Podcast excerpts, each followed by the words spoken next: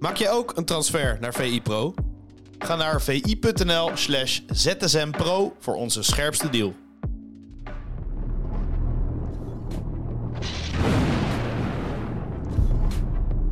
Pieter, goedemorgen. Goedemorgen Jarno. Welkom in de nieuwe VZSM. Hoe heb jij de wedstrijd van Oranje uh, beleefd? Heb beleefd? Het was een halve finale. Ik moet heel eerlijk zeggen dat ik er niet naartoe heb geleefd als een uh, halve finale. Het is toch een toernooi. Ja, voor je gevoel is het seizoen een beetje afgelopen. En dan komt er in één keer nog zo'n toetje aan. Dus het qua gevoel vooraf, ja, niet dat je er uh, dagen zat te imagineren dat middenveld voor Kroatië, hoe gaat uh, Nederland uh, dat doen? Ik moet ook heel eerlijk zeggen dat mijn verwachtingen ja, enigszins laag waren naar die vorige interlandperiode. En wat dat betreft werd ik best wel positief verrast door wat ja. ik zeker in de eerste helft gezien heb van het Nederlands elftal. Ik zag daar een heel ander oranje op het veld staan uh, dan het oranje wat je hebt gezien in die eerste periode om de Koeman. Waarmee ik dus die ja, vorige periode bedoel tegen Frankrijk en uh, Gibraltar. Ik vond, ja, er zat dat veel meer dynamiek in. Uh, ik vond de veldbezetting beter, zowel met bal als zonder bal. Alleen puntje van kritiek. Uh, dat hielden ze eigenlijk maar 45 minuten vol. En daarna nam uh, Kroatië via met name Luka Modric en oh. Marcelo Brozovic... die namen het middenveld even stevig in handen. En daarna heeft Nederland eigenlijk nooit meer grip gehad op de wedstrijd. Ja, vooraf ben je natuurlijk heel nieuwsgierig wie er gaat spelen en waar ze gaan spelen. Teun Koopmeiners op 10 opvallend aan de ene kant. Aan de andere kant kijk je naar Atalanta Bergamo wekelijks. Is dat helemaal niet zo vreemd? Ja, daar speelt hij inderdaad bij Atalanta. Ik vond hem niet zo goed als dat ik hem bij uh, Atalanta vind uh, de laatste tijd. En dat is ja, bij Koopmeiners toch wel ja, een dingetje aan het worden. Dat je ziet hem steeds niet in oranje niveau halen. Wat hij eerst bij AZ haalde en daarna bij Atalanta haalde. Uh, en nu haalt, ja, die maakt daar tien doelpunten in een seizoen. En ja, die Koopmeiners had op een gegeven moment een goede loopactie in de diepte. Dat was wel wat je kent van Koopmeiners. En met daarna dat schot wat maar naast... was ook wel goed aanspeelbaar, toch? Nou, hij heeft niet heel veel bal eigenlijk gehad. En zeker zeg maar, ja, het is net een beetje welke maatstaf je pakt. Hetzelfde met uh, Mats Wiever, waar je dan heel veel positieve kritiek uh, over leest. Ja, na het verwachtingspatroon Mats Wiever speelde Mats Wiever een hele goede wedstrijd. Maar als je Mats Wiever naast de meetlat Kovacic, Modric en uh, Brozovic legt... Ja, ja maar zo kun je hem dan niet beoordelen, toch? Nee, oké, okay, maar is, dat is wel de weerstand waar tegen Oranje speelt. En dan zie je dus gewoon dat ja, ons middenveld met uh, de Jong, Koopmeiners uh, en Wiever... Ja, die is gewoon op kwaliteit, op punten totaal geklopt door het middenveld uh, van Kroatië. En zo nou, eerlijk en reëel moet je er ook naar kijken. En ja, dat betekent denk ik dat... en dat probeerde Koeman natuurlijk ook in deze wedstrijd. Maar dan moet je dus dingen gaan verzinnen. Want gewoon ja, met dat middenveld, als je dat één op één wegzet ten opzichte van de topmiddenvelden, want we gaan natuurlijk straks spelen tegen of Italië of tegen Spanje in de troostfinale. En wat denk je tegen dat middenveld uh, van Spanje? Dan word je ook weer weggetikt. Dan kom je kwalitatief ook gewoon weer tekort. En hebben we nog niet eens over de voorhoede gehad, waar ja, nieuwe, frisse spelers stonden. Dit waar we veel ja, loopacties en dynamiek van hebben gezien. Maar daarvan zie je dan ook weer, ja, dat zijn geen spelers nog die ja, 90 minuten lang echt de wedstrijd uh, kunnen domineren en uh, winnen voor je. Dus ja, middenveld en voorhoede, ja, dat blijft, uh, dat blijft een punt van aandacht. Ja, precies. Nou ja, je noemt net Wiever ook al. andere Feyenoorder, Geert Truida, die viel op. Met name door de rol die hij invulde. Ja. Die leek op die van Stones bij Manchester City. Ja, zeker. Dus dat was uh, nou, dat is interessant. De Koeman die stipte het al een beetje aan uh, vlak voor de wedstrijd in een interview met uh, NOS. En je zag het eigenlijk meteen gebeuren dat Dumfries achterin bleef. En dat hij inschoof naar een middenveld naast Frenkie de Jong kwam. En ja, dit is natuurlijk ik was er wel enthousiast over, omdat dit is een probleem geweest voor Koeman in de hele eerste periode dat hij bondscoach uh, was. Uh, dus die vorige keer dat hij uh, bondscoach was van het Nederlands elftal. Dat, en dan zag je het ook weer gebeuren. Tegenstanders weten, Frenkie de Jong moet de verzorgen. Nou, dan gaat Luca Modric, die gaat Frenkie de Jong voor de voeten lopen. En wat dan? En nu was het antwoord, wat dan? Nou oké, okay, via Geert Ruiden heb je dan toch nog een soort van vrije man op het uh, middenveld. En dat functioneerde in de eerste helft. Ja, het is niet dat Geert Ruiden daar nou heel veel mee deed. Maar je had in ieder geval een aanspeelstation. En dan kun je in ieder geval op die helft van de tegenstander uh, komen. En ja, de, wat dat betreft was het wel een ja, aantrekkelijke oplossing. En nou, dan kun je ook nog kijken van, nou, ga je dat op een gegeven moment misschien juist vanuit de rechtsbackpositie doen. Maar dan kun je dan op een gegeven moment mee gaan uh, variëren. Maar in qua veldbezetting, dat is wel ja, de richting is ja. waar je naartoe wil gaan bewegen eh, als Nederlands zelf. Om ja, de reden die ik net noem, dat uh, ja, als het 3 tegen 3 is op het middenveld, dan is Nederland tegen bijna alle toplanden, zijn we gewoon minder. Zo reëel uh, moet je zijn. Dan heb je eigenlijk alleen Frenkie de Jong die mee kan op niveau. En dat is hartstikke leuk. Alleen de tegenstander weet ook dat Frenkie de Jong jouw middenvelder is. Dus die gaan ze schaduwen. Nou, dan moet je dus iets anders verzinnen. En dat zou dit wel kunnen gaan worden. Alleen, ja. je ziet ook dat ja, als de druk hoger wordt en uh, Kroatië die uh, gaat uh, meer drukken, die gaat meer spelen, ja, kun je dan nog steeds uitvoeren? Nou, daarvoor is het antwoord nu nee. maar dat is ook niet heel raar, omdat ja, je hebt drie dagen met elkaar getraind. En sommige spelers, en dat zag je ook wel echt, uh, dat die op een gegeven moment totaal los waren. Ake en Dumfries, die natuurlijk van direct vanuit die ja, finale echt, door zijn gekomen. Ja, hoe je bijvoorbeeld uh, die tweede tegengoal tegenkrijgt, ja, dat vind ik heel atypisch voor uh, Ake, wat daar gebeurt. Dat je Klopt. bij die paslied staat en dat je hem dan ja, op een beslissend moment even kwijt bent. Ja, dat zijn details. of ook Dumfries, die dan net niet die voorzet eruit kan halen. Het zijn net hele kleine dingetjes, maar in dit soort uh, topwedstrijden maakt dat wel het verschil. Net als bijvoorbeeld uh, Cody Gakpo bij die uh, eerste tegengoal. Ja, dat is ook weer heel knullig. En dat is denk ik precies ook zijn grootste verbeterpunt als spits. Zeg maar dat eerste balcontact in de kleine ruimte. Ja, daar heeft hij niet altijd die verfijnde controle. Nou, die raakt die bal kwijt en dat probeert hij dan te herstellen. Zoals een aanvaller dat uh, probeert uh, te herstellen. Ja, en dan krijg je een penalty tegen. En dat is die slimheid van die Kroaten die, die voelen aan dat jij zo'n domme overtreding uh, gaat maken. En die gaan uh, liggen. En die, uh, ja, ze halen deze wedstrijd er ook uit. Omdat ze twee strafschop weten te veroveren. Ja, klopt. Die, die rol van Geert Ruijden, die is belangrijk. die stip je terecht ook aan. Maar dat vraagt ook iets van zijn omgeving. Bijvoorbeeld van Denzel Dumfries. Ik was wel nieuwsgierig hoe hij dat op zou pakken. Want op het moment dat hij dus doorschuift... dan vragen van Dumfries iets anders dan wat hij gewend ja. is. Nou, die moet achterin blijven. En dat is denk ik ook een beetje het lastige. Dat, dat is niet natuurlijk de rol waarin Denzel Dumfries zijn echte kwaliteiten kan tonen. De reden dat hij bij Inter dat hij er zo goed op staat, is natuurlijk omdat hij langs die lijnen heen en weer dendert, in de eindfase erbij komt uh, en dan zijn fysieke kracht kan gebruiken en daar de juiste timing heeft voor die loopacties. Ja, ja. Dat haal je er helemaal af bij uh, Dumfries als je hem op deze manier uh, inzet. Dat was eigenlijk uh, de Carl Walker rol. Als je dan toch allemaal plot op Manchester ja. City, die moest hij uitvoeren. Dus ja, hard rennen ten opzichte van een tegenstander en ja, eigenlijk in de opbouw gewoon uh, alles inleveren bij iemand die beter uh, kan voetballen dan dat uh, jij het kan. Ja, tegen echt goede linksbuiters kan dat misschien een optie zijn. Alleen, ja, dat was deze wedstrijd ook niet echt. Want zij speelden, die Kroaten speelden natuurlijk met uh, Perisic uh, aan die ene kant en uh, Juranovic aan die andere kant. Twee van die backs, die, ja, die stonden eigenlijk gewoon buitenspelen. Klopt, ja. En ja. dan die twee buitenspelers die naar het middenveld gaan bewegen. Ja, dat, dat, dat zijn ook typisch van die dingen. Ja, dan heb je niet echt een typische back nodig, denk ik, uh, om dat uh, te verdedigen. Misschien dat deze wedstrijd wel veel meer had Komt gevraagd. een stuk eigenlijk ook wat jij eerder hebt aangegeven... dan, dan moet je met centrale verdedigers daar spelen bijna. Nou ja, precies. Ja, je, je zou bijna denken van... Nou, zo'n wedstrijd vraagt dan misschien meer om een type alla Timber. Ja. Uh, als je dan toch die rol op die manier invult, dat is misschien veel meer op het lijf van iemand als Timber geschreven dan op het lijf uh, van Dumfries, die het beste is ja, als hij langs de lijn komt. En eigenlijk kun je in, min, in mindere mate hetzelfde zeggen over Wiever. En die vult het in deze wedstrijd hartstikke goed in hoor. Maar ja, Wiever, daarvan heeft Arne Slot ook gezegd, dat zijn grootste verbeterpunt is in die kleine ruimtes aanspeelbaar worden en de oplossingen zien. Nou, je zet hem een halve linie naar voren, dus hij speelde eigenlijk als tweede nummer 10. Nou, dan komt hij in die kleine ruimtes waar die dan speelbaar moet gaan worden in de rug uh, voor Kovacic. Ja, dat lukte een paar keer, maar dat lukte ook heel vaak lukte dat uh, niet. Uh, en die, ja, dat is niet de rol waarin hij op zijn best is. als hij ja, echt, ja, eigenlijk had hij de Gundogan rol. Als we toch weer even op City ja. plotten.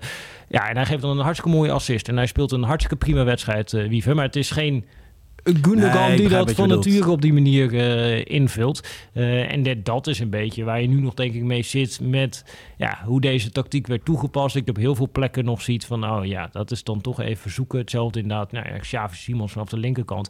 Als hij bij PSV op die linkerkant speelt, en heeft hij heel veel vrijheid, omdat Van Aanholt achter hem opkomt, om naar binnen te komen. Nu, met Ake achter hem, ja, moet hij eigenlijk op links beginnen en op links blijven. Uh, en ja, dan komt hij in één keer ja, in die duels. In plaats van dat hij uit die duels uh, kan blijven. En dan speelt hij een volwassen gozer. En die gozer die dendert ook ja, de hele wedstrijd over je heen. Je moet de hele wedstrijd moet er uh, achteraan. En dan merk je dat op een gegeven moment, ja, Simons, die we in de Eredivisie heel veel indruk hebben zien maken, dat hij ja, in zo'n wedstrijd ja, oogt op een gegeven moment uh, ja, totaal los. En ja, ook in het druk zetten. Dat, ja, ze kwamen natuurlijk die Kroaten op een gegeven moment in de tweede helft heel erg via die rechterkant er doorheen. Uh, omdat ja, ze hadden op een gegeven moment door wat de Nederland zelf tot deed. Ik denk dat Kroatië enigszins verrast was door dat Nederland, waar ze in die vorige wedstrijd was nog heel erg mandekking gebaseerd. Nou, nu was het heel erg Feyenoord systeem eigenlijk. 4-4-2 ja, ja, ja. uh, in de zone verdedigen. En dan moet Koopmeiners dus vanuit het middenveld naast Gakpo uh, gaan komen. Ja, ik denk dat uh, Kroatië dat vooraf niet verwacht had. En dan zie je in de rust dat die Brozovic weet... oké, okay, op een gegeven moment gaat die Koopmeiners lopen... dan ben ik de vrije man. En als dan iemand vanuit het middenveld doorstapt bij Oranje op Brozovic... Ja, dan zijn ze alle drie ook zo goed dat ze onder Precies, die druk uitspelen. dan wordt of Kovacic of Modric uh, ja. de vrije man. En ja, dat, dat gaan ze op een gegeven moment herkennen bij Kroatië. En dan gaan ze uitspelen. En dan zit je eigenlijk continu in ondertal op het middenveld... tegen een van ja, drie absolute top middenvelders. ja, en dat is kansloos. En dan kan je inderdaad op een gegeven moment dat nog proberen te compenseren. Wat je soms ook al zag, dat Simons dan schuin gaat aanlopen. Maar die afstanden, omdat die Perisic die staat zo hoog, die Juranovic die staat zo hoog. Als je dan vanuit hen moet aanlopen naar het centrum. Ja, eigenlijk is dat te lang, die afstand. En dat zag je ook in die tweede helft een paar keer gebeuren. Dan spelen ze gewoon modisch in in de dekking. Maakt hem helemaal geen reet uit. Dat is natuurlijk ook het verschil met, zeg maar, wij bij daar Wiever en Koopmijnen staan. Als je die inspeelt in de dekking. Ja, het is niet dat je denkt, oh ja, ja die kaatsen we even rustig weg en uh, we houden ja, die toch, bal ja, ik wil er toch op terugkomen. Want ik, ik vind dan bijvoorbeeld zo, bij Atalanta Bergen, dan, dan zie je Koopmijnen spelen. Dan, dan heeft hij dat wel in zich. Ja, alleen daar zitten natuurlijk veel meer ja, vastigheden aan. Je bedoelt de patronen die ze daarin slijpen, ja. Ja, dat denk ik dat dat, dat een heel groot uh, verschil is. Dat je daar weet, uh, oh ja, als ik, ja, zeker bij Atalanta, daar zit natuurlijk heel veel vastigheid in. Uh, ja, daar weten ze gewoon, als iemand deze loopactie maakt, dan jij die loopactie, maar jij die loopactie. En dat was hier, was dat dan, dan begint hij bij wijze van spreken te lopen. Maar dan moet ook Simons gaan lopen. Dan moet ook Malen gaan lopen. En dan als eentje dat niet doet, uh, ja, dan valt het hele bouwwerk een beetje in duigen. Dat, dat, dat zag je bij Kroatië. Dit middenveld is zo vaak met elkaar samen gespeeld. Dat die dat ja. precies van elkaar weten. En precies ook voor elkaar compenseren. Dus als Modric even uitzakt naar de laatste lijn. Oké, okay, dan gaat Kovacic daarvoor compenseren. Dan gaat Brozovic net iets anders staan. Of inderdaad als modische uitzak hebben. Die Passelic, die op papier rechtsbuiten speelt. Die speelt bij Atalanta en exact dezelfde rol ja. als dat uh, Koolmeiners dat speelt. Ja, die gaat dan weer die plek aanvallend op het middenveld overnemen van Modric. En dan kom je continu als oranje zijn voor keuzes te staan. Uh, en dan ja, kies je er vaak voor. Dat zag je bijvoorbeeld ook voor die goal aan die uh, linkerkant... die ze dan in de verlenging maken bij uh, Kroatië. En dan zakt Modric in één keer links, zakt die uit. En dan zie je daar eigenlijk een soort van 4 tegen 3 situatie gecreëerd worden... met ook nog die spits die gaat meedoen aan die kant. Ja. En dan kom je toch voor keuze te staan van... oké, okay, wie vangt Modric daarop? Maar ook, ja, ga je mee met die spits, ga je niet mee met die spits? En dan zie je dat Frenkie de Jong bijvoorbeeld in eerste instantie niet meegaat. Dan gaat hij toch en dan kom je te laat. Ja. En ja, dan... Maar dat, dat doen de Kroaten toch ook gewoon goed. Want het afgelopen WK was het ook zo. Welke landen ze ook tegenkwamen. Ze lieten tijd, terwijl de toplanden ook gewoon echt zwemmen op dat middenveld. Zij heersen continu op het middenveld. Wat dat betreft heeft dit drietal wel een ultieme uitdaging gehad. Ja, zeker. Zeker. En ja, dat is, uh, ja, die kracht van die Kroaten is ook wel... Ja, die raken ook niet uh, in paniek. Nee. Want uh, ook op het WK...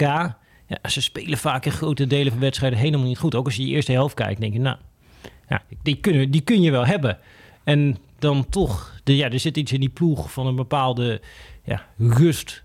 En ze weten, oké, we hebben de kwaliteit uh, om dit om te keren. Ja, en dat doen ze dan ook uh, daadwerkelijk. En ja, net die slimmigheidjes op de momenten. Ja, dat, dat is wat het uh, grote verschil maakt, denk ik, tussen Nederland en Kroatië. En ja, zo nuchter realistisch, realistisch, moet je wel zijn dat, oké, we hebben een nieuwe voorhoede gezien. Nou ja, dat bleek allemaal toch nog wel dunnetjes op het allerhoogste niveau. Ja, we hebben een middenveld gezien. Ja, dat is gewoon minder dan het middenveld van uh, de Kroaten. En ja, met een verdediging die opnieuw was ingericht, ja, hebben we daar niet voor kunnen compenseren. Want je krijgt er vier tegen, tegen Frankrijk. En u krijgt ook weer vier uh, in een netje tegen Kroatië. Ja, dat, dat stemt toch wel, denk ik. Uh, tot zorgen. Je hebt veel aanknopingspunten gezien, maar er moet ook nog gigantisch veel gebeuren. Precies. We gaan uh, even door naar Ajax. Uh, Maurice Stijn is uh, gisteren gepresenteerd. ja, ik ben benieuwd hoe jij er naar kijkt, maar op mij maakte hij wel een goede indruk. Hij was wel communicatief heel sterk, heel duidelijk. Dat Ajax-DNA, dat, nou, dat, wat dat betreft pakt hij er dat gelijk goed aan. Van, joh, ja, dat heb ik inderdaad niet, dat weet ik. Maar ik sta wel voor dit soort voor dit voetbal. En ik kan dus ook Ajax-voetbal spelen. Daar was hij wel duidelijk in. Ja, we hebben gewoon een Maurice Stijn gezien, denk ik, zoals hij is. Dus ja, iemand die realistisch is, is iemand die het simpel houdt. Ja. Uh, en iemand die ook heel nuchter is. Dus nou, die ging ook gewoon uh, mee in. Ja, ik was zelf ook wel uh, verrast dat ze bij me uitkomen. Ja, en dat wekt sympathie. en tegelijkertijd, ja, ja, je kunt iemand ook niet echt beoordelen natuurlijk op een persconferentie. Dat er uiteindelijk, ja, zal op het veld moeten ja, maar gaan. Jij zegt dat, dat was bij Ten Hag natuurlijk. Daar was was dan wel wat kritiek op aan het begin. Ja, maar goed, ja, daarvan zie je ten acht laten uiteindelijk die ploeg voetballen. En dan, ja. Uh, ja dan uh, maakt dat allemaal uh, niet meer uit. En omgekeerd zal hetzelfde gelden als ja, Stijn het voetbal er niet in krijgt. Ja, dan, dan zal de kritiek ook op hem neerdalen. Dus dat ja, hoort erbij. Ik was ook nog wel enigszins verrast door uh, Dat zat er natuurlijk naast. Ja. En die haalt weer dat voorbeeld aan bij Jurgen, van Jurgen Klop en Thomas Tuchel. Laat hij dan zo even vallen. En dan denk je toch van ja, eh, hij komt er misschien mee weg, omdat veel mensen dat verhaal niet kennen over hoe dat nou precies gegaan is uh, daar uh, in Duitsland. Maar dat is allemaal wel heel erg ja, kort door de bocht. En het is in ieder geval een vergelijking, zoals als je die trekt met Maurice Stijn, dat, dat slaat de plank volledig mis. Ja, precies. Wat trouwens heel erg veel terugkwam in de persconferentie, is het woord overperformer. Ja, nee, maar goed, als je dat dan inderdaad plot op uh, Klop en uh, Tuchel. En het kwam steeds maar weer terug. Ja, dat klopt. En dat, dat, dat, probeerde hij daaraan te koppelen. En we moeten bij Ajax dat soort uh, trainers vinden. Maar als je gaat kijken wat, wat Klop en Tuchel deden bij Mainz... voordat ze naar Dortmund gingen. Nou, in het geval van uh, Klop. En die is op een gegeven moment daar voor de groep komen te staan. Omdat uh, ze zochten naar een trainer die het Sarchi-idee, dus zonderdekking in plaats van ja, de 5-3-2 met mandekking, die op dat moment dominant was in Duitsland, die dat kon doen bij Mainz. Hij had onder een trainer gespeeld die dat deed en ging voor die groep staan en bracht dat voetbal naar Mainz. Dus dat was ja, vernieuwend en onderscheidend voetbal in die uh, periode in uh, Duitsland wat uh, hij daar bracht. En is op die manier ook gepromoveerd, ook op een gegeven moment weer gedegradeerd. en ja, wat ook niet dan genoemd wordt, is dat op een gegeven moment je WK 2006. en ja, dat was natuurlijk voor Duitsland een soort van ja, WK waarin een nieuw Duitsland opstond. Dus ja. met fris en aanvallend voetbal. en Jurgen Klopp was op dat moment de analist bij uh, ZDF. Uh, en ja, die deed dat op zijn eigen charismatische manier. Uh, en ja, hij was op dat moment al het toetelkind zeg maar, van het Duitse voetbal. Dit was gewoon ja, de analist die iedere wedstrijd deed van het Duitse elftal tijdens dat WK. heel Duitsland zat er naar te kijken. Die zag zo, dat is een charismatische, leuke man. Die zou je moeten aanstellen bij een grote club. Uh, dus, dus dan kun je wel zeggen, ja, ze haalden hem uit de tweede divisie en ook niemand kende Klopp. Nee, iedereen kende Klopp. Hij was het gezicht van de Duitse voetbal. En als je het hebt over Thomas Tuchel, ja, dat is natuurlijk ook iets wat helemaal mank gaat. Thomas Tuchel, die trainde op een gegeven moment een jeugdteam uh, bij Mainz. Nou, bij Mainz loopt geen talent rond. Uh, die werd met de A-junioren van Mainz, werd hij gewoon kampioen van heel Duitsland. Dat, dat, bestaat eigenlijk niet uh, dat het gebeurt. Vervolgens wordt hij doorgeschoven naar het eerste elftal. En volgens mij heeft hij in zijn eerste zeven wedstrijden... heeft hij zeven verschillende tactische formaties gespeeld. Uh, nou, dat, dat zijn dingen die Thomas Tuchel daar deed. Dus onderscheidende speelwijze. Iemand die tactisch variabel was. Die op die manier topclubs uh, kon verslaan. En ja, een zeer moderne manier ja, voor voetballen en trainingsmethodologie erop ja. nahield. Uh, en op die manier zich met Mainz meerdere keren kwalificeerde voor Europees voetbal. Wat nog nooit gebeurd was bij Mainz. Ja, dat kun je niet plotten op uh, de situatie van Maurice Stijn. Die van Tuchel. En dat was zeg maar, nou, toen Tuchel dat deed, dat was uh, 10, 15 jaar geleden. waarvan hij nu nog steeds zegt, nou, dat vind ik eigenlijk onzin. Uh, je moet het allemaal niet zo ingewikkeld maken. Ja, dan kun je niet zeggen, oh, dat is hetzelfde. We stellen Stijn aan, uh, want ja, die, doet dan, die gaat dan hetzelfde doen uh, als Tuchel. En daarmee zeg ik niet ja, dat Stijn niet gaat presteren. alleen een heleboel ja, signalen van Klop en Tuchel, die tactisch daar dingen totaal anders deden uh, dan op dat moment in Duitsland gebruikelijk waren. En een andere trainingsmethodologie erop nahielden. Ja, dat kun je gewoon niet zeggen van Stijn. Dat zegt Stijn ook niet uh, van zichzelf. Nee, absoluut niet. En ja, dan kun je wel uit de data trekken van ja, hij heeft met Sparta overgepresteerd. Ja, dat is ook zo. Uh, alleen... Ja, op basis van budget, dat haalde hij dan ook aan. Hè? Dus het Ja, budget precies. en dan kijken wat hij, wat hij neerzet. Ja, nou, en dat is ook hartstikke goed om op die manier trainers eh, te beoordelen. En Stijn verdient eh, een eerlijke kans. Maar ja, die vergelijking met eh Klop en Tuchel, ja, werkelijk waar. Ja, het het enige wat, wat overeenkomt is dat hij van een kleinere club een stap maken naar een grotere club. Maar voor de rest gaat het volledig mank. En Ja. dat weet Michelin dat trouwens ook. Maar die denkt dat hij ermee wegkomt omdat eh, veel mensen in Nederland die situatie in Duitsland niet kennen. Hij heeft ze daar trouwens ook niet aangesteld, want hij was toen hoofdscout. Dus hij had ook niks met die aanstellingen te maken. Dus ja, die probeert het gewoon een soort van als Nou ja, hij een zijn, hij zijn draai aan eh, willen Ja. geven. Wat, wat trouwens wel opvallend was in de, bij de presentatie, dat Maurice Stijn haalde ook wel het proces aan. Dat er toch wel enige weken dat ze contact hadden. Dat er op een gegeven moment naar buiten kwam, ja, de, de buitenlandse trainer, dat die... Ja, eh, vier, vijf weken al, ja. Ja, maar dat, dat vond ik dan wel weer interessant. Hij was op een gegeven moment ook in de veronderstelling van... oké, ja, dan zullen ze voor een buitenlander gaan. Oké, mijn kans is verkeken. Ja, ja grappig hoe dat eh, Vaak dat hoe niet. Die openheid vond ik wel leuk. Ja, dus nou, dat, dat was, nee, dat, dat pleit voor hem. En ja, in alles was hij heel eh, open en nuchter. En hij gaf ook aan van, nou, hij heeft gezocht naar assistenten die hem aanvullen. Dus ja, dat wordt heel interessant. En ik zou ook zeggen van, nou, beoordeel Stijn niet op die eerste persconferentie, maar ga die eerste wedstrijden kijken. En wat zien we dan? Terug. Eh, zoals je nu ook eh, op Pro had ik die wedstrijden bekeken van Sparta. Maar je, je ziet wel, hè, er is een soort van clichébeeld van het is alleen maar lange ballen. Maar zeker op eigen helft zie ik heel veel patronen terug. Ja. Ook eh, opbouwend over de grond. Ja, dan kun je wel voorstellen dat als hij beter materiaal heeft, dat dat misschien gaat verbeteren. Ja, dat is ook leuk. In jouw eh, pro-artikel zie je dat inderdaad ook terug. Ook in eh, voorbeelden. Uitstekend. We gaan even nog eh, een stapje maken naar Manchester United. Want ehm, ja, Ten Hag is een tikje teleurgesteld vanwege het afhaken van Harry Kane. Ja. Ja, ja, dat is eh, een klassieke zomersoap. eh, het is een beetje MAP. Dat zie je elke zomer gebeuren. Gaat hij naar Real Madrid? Die gaat niet. En bij Harry Kane is het ook... eh, gaat hij nu de stap maken naar een club waar hij prijzen kan winnen? En dan blijkt toch altijd weer dat Tottenham zo hoog in de boom zit qua vraagprijs. Ja, zelfs Manchester City is afgehaakt. En nu ja, United blijkbaar ook. Dus eh, ja, dan moet Ten Hag eh, verder eh, gaan zoeken. Al weet je met dit soort dingen nooit. kan ook een spelletje zijn dat in één keer de vraagprijs naar beneden gaat. Dat is alsnog gebeurd. Maar ja, voorlopig lijkt er een streep door de naam van Kane te gaan. Het zou wel een ideale spits zijn voor United. Zeker. Ja, omdat hij en kan scoren en mee kan voetballen. Dat, en helemaal in die combinatie met Rashford, dat zie je allemaal wel voor je. Maar ja, dat lijkt voorlopig niet te gaan gebeuren. Ja, over Manchester United gesproken.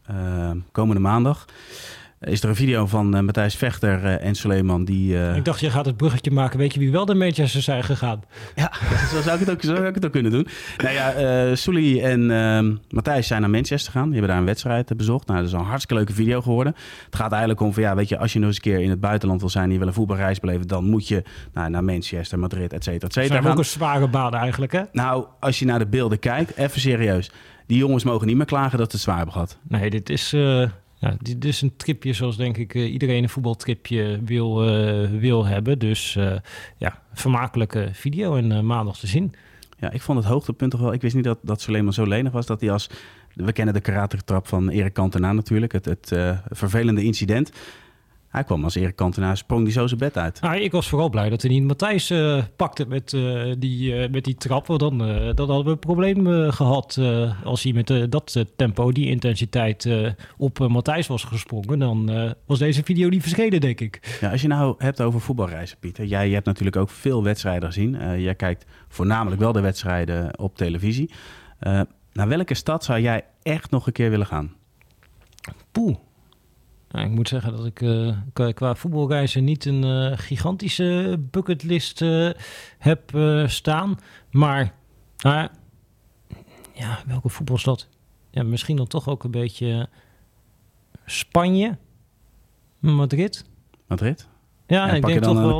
reis dat je ja, en- misschien kun je ze gewoon allebei meepakken. Als je er toch bent, dan... nou, daar ben ik wel nieuwsgierig naar. Hoe, ja, Engelse stadions ken ik wel een beetje. Eh, maar ja, die Spaanse sfeer, volgens mij is dat toch laat op de avond. Dat is even net wat anders. Aan de ene kant wat relaxter. En aan de andere kant ook wel weer die pure passie. Ja, daar ben ik wel heel nieuwsgierig naar eh, hoe dat zou zijn. En je hebt er ook nog beter weer bij dan eh, in Engeland. Want Dat is waar.